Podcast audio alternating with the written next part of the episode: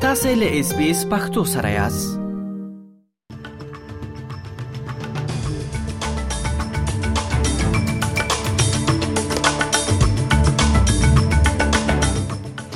دا هم د خبرونو سرټکی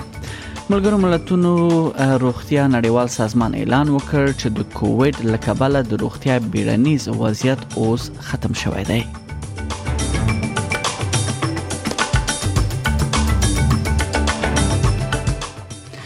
د نیساتولز ایالت پریکړه کړې ده چې د پاچا د تاج کې خودو مراسمو لپاره به اوپرا هاوس او نور ودانۍ باندې دوی سره یا نه سره غان کوي یا پر هغه به دوی ګروپونه یا رڼاوي نه چوي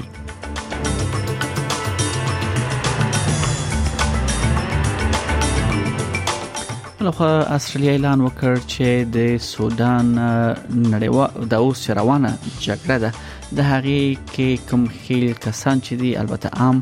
وګړي چې کمپن پاتې دي هغه مرسته لپاره به شپږ میلیونه ډالر ورکړي او روسي خبر ده چې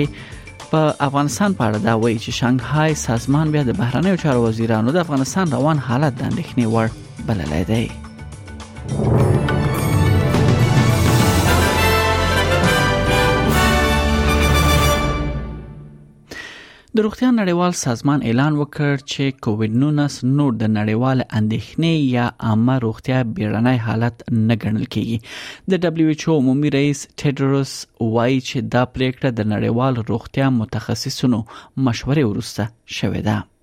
Yesterday, the Emergency Committee met for the 15th time and recommended to me that I declare an end to the public health emergency of international concern. I have accepted that advice. It's therefore with great hope that I declare COVID 19 over as a global health emergency. خغلی تیدورس زیاته کړه چې د اونیز راپور شوی مړینې شمیر د وبا له پیل راهیسه تر ټولو ټیټ شمیر ته رسیدلی دی او په ډیری هیوادونو کې ژوند بیرته عادي حالت ته راستون شوی دی د 2020 کال د جنوري په میاشت کې دا وبا اعلان شو او بیا له هغه وخت تر اوسه پورې په ټوله نړۍ کې د کووډ 19 لامل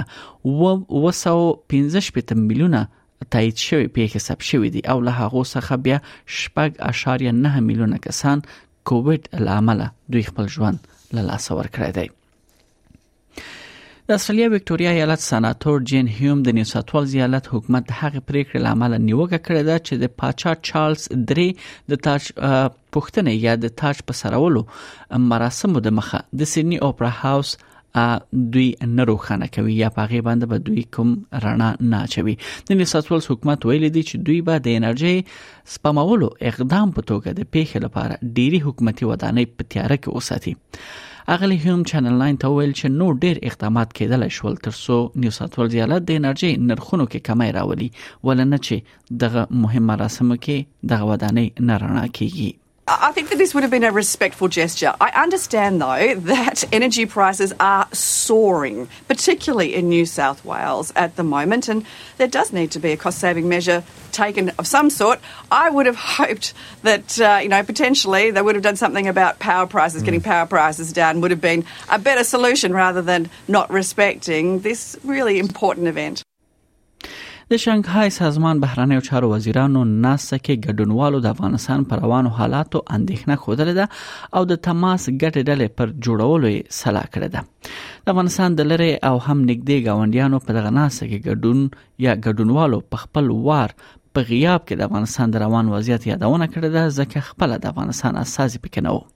د شانګهای همکاریو سازمان د بهرانیو چارو وزیرانو په کچه دی ناسه کې د کوربه هیواد هند بهرانیو چارو وزیر ویل چې افغانستان کې د داسې یو حکومت اړتیا ده چې هم د خپل وګړو حقونه خوندي کړي او سیمه او نړۍ ته هم د احتمالي ګواښونو مخه ونیسي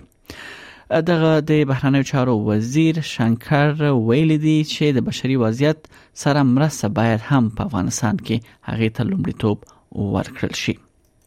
بل خو بیا په هند کې د پاکستان بهرنیو چارو وزیر د خپل پاکستانی سیال بلاول بوټو زرداری د سرګندونو په تړاو یو پښتنه ته ځواب کویل چې د هند بهرنیو چارو وزیر ویلي دي د ترهګرۍ ښکار له هغه سره نکینی چې ترهګری کوي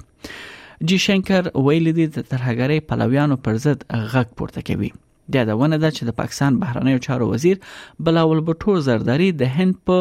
غوا کې له پاکستاني خبريالانو سره مرکه کوي دی او چې هند باید د دواړو هیوادونو ترمنځ مذاکراتو لپاره مناسب چاپیریال رامنځته کړي د خغلی بوټو په وینا کې هند له نړیوالو قوانینو او دواړخیزو اړیکو سرغړونه کوي نو د مذاکراتو راتلونکي به هم یعنی څنګه شي نوموړي دا زیاته کړې و چې د پاکستان اصولي دریځ دا دی چې هند باید د کشمیر په حق له د 2019 کال د اگست له څلورمې مخکې دریځ بیرته غوړه کړي راو شو استرالیا ته استرالیا به د سودان په جګړه کې د خېلو کسانو لپاره د بشري مرستو په برخه کې شپږ میلیونه ډالر مرسته وکړي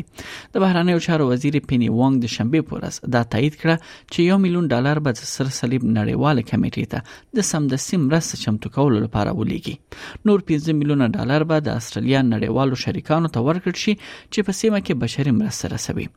د سودان د روغتیا وزارت خبر ورکړی دی چې د اپریل ل 15 نیټې راهیسې د دغه هیواد د پاوز او نیمه پوزي ډلو ترمنځ په جګړه کې 1551 کسان وژل شوې دي او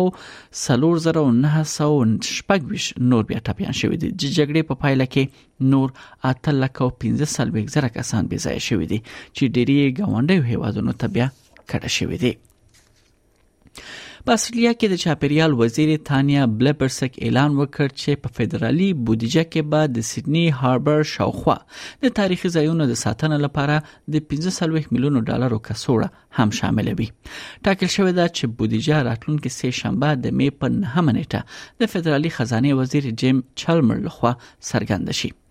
اغلی پلیبرسک چې دا اعلان یې د کاکاټو ټاپو یا کاکاټو ټاپو څخه کړی دی وایي چې پانګونه به د دې سیمو خوندیتوب او پرمختګ ډاډمن کړي ځکه دا سیمه د استرالیا د بډایه کلتوري تاریخ یو مهمه برخه ده Well, this island belongs to all Australians, and we need to make sure that the history and heritage here is protected for future generations. And we need to make sure that the island and the harbour properties are open and available for all Australians to visit. And that's why we're making this investment today.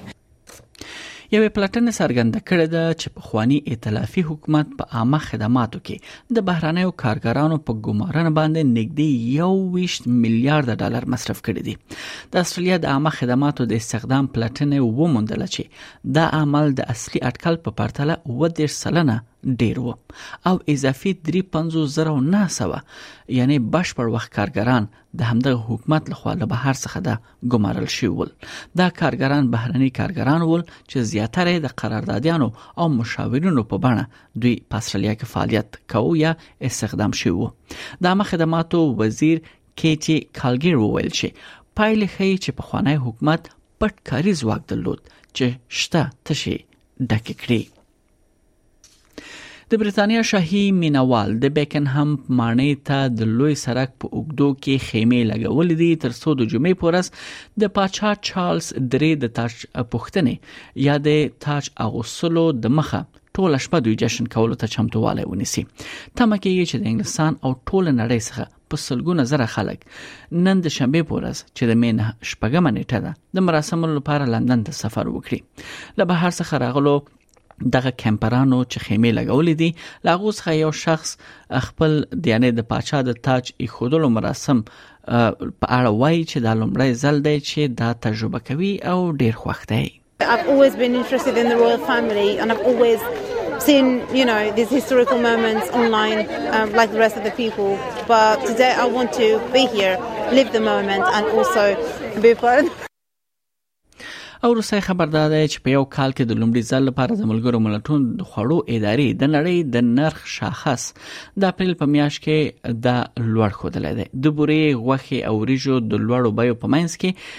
بیا د ادارې د جمعې په ورځ دغه راپور یې ورکړ او دا شمیر بیا د تیر کال په پرتله شل فیصده کم هم پاتې شوی دی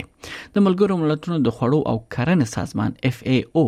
چې د عادي سوداګریزو خوراکي توکو په نړیوالو نرخونو کې میاشتنی بدلونونه تعقیبوي په اپریل کې په اوسط ډول 122.2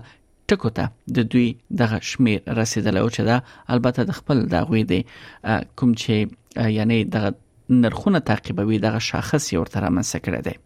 بیا دغه د مارچ څخه یعنی 0.8 سلنه پاغه کې زیاتوالی خوده شوې ده د اف ای او لوی اقتصاد پو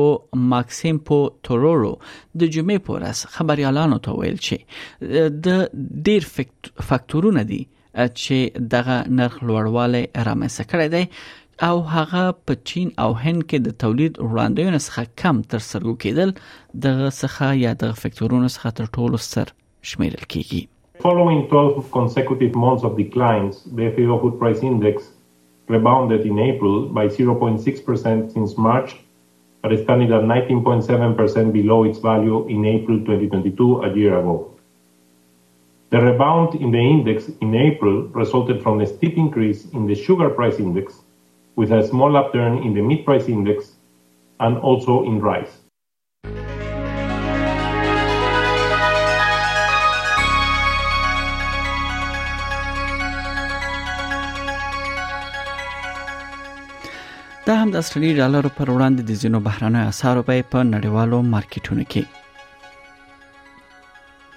یو استرالی ډالر 0.18 امریکایي سنت 0.18 یورو سنت یو استرالی ډالر 9.50 افغاني روپی یو سل یو نوي اشاریه شپږ شپږ پاکستاني روپی یو استرالی ډالر 55.25 هندۍ روپی 2.9 اماراتي درهم او یو استرالی ډالر 0.35 انګلیسي پنسه ارزښت لري د هم د استرالیا د ځینو ښارونو نن لپاره د تودوخې تر ټولو لوړه درجه هغه هم د سانتیګریډ په کچه په سیدنی کې هوا مریضه ده تودوخه تر ټولو لوړه درجه 22 سانتیګریډ اټکل شوې ده په ملبن کې هوا باراني دیالس په برزبن کې هوا مریضه ده شپږويش په پرت کې هوا باراني ده 19 په اډلېټ کې هوا باراني 15 په هوبارت کې هوا باراني دیالس په کمبيره کې هوا باراني د 14 او په اخر کې ډاروین هلته هوا مریضه او د تودوخه تر ټولو لوړه درجه 3 سانتیګریډ اټکل شوې ده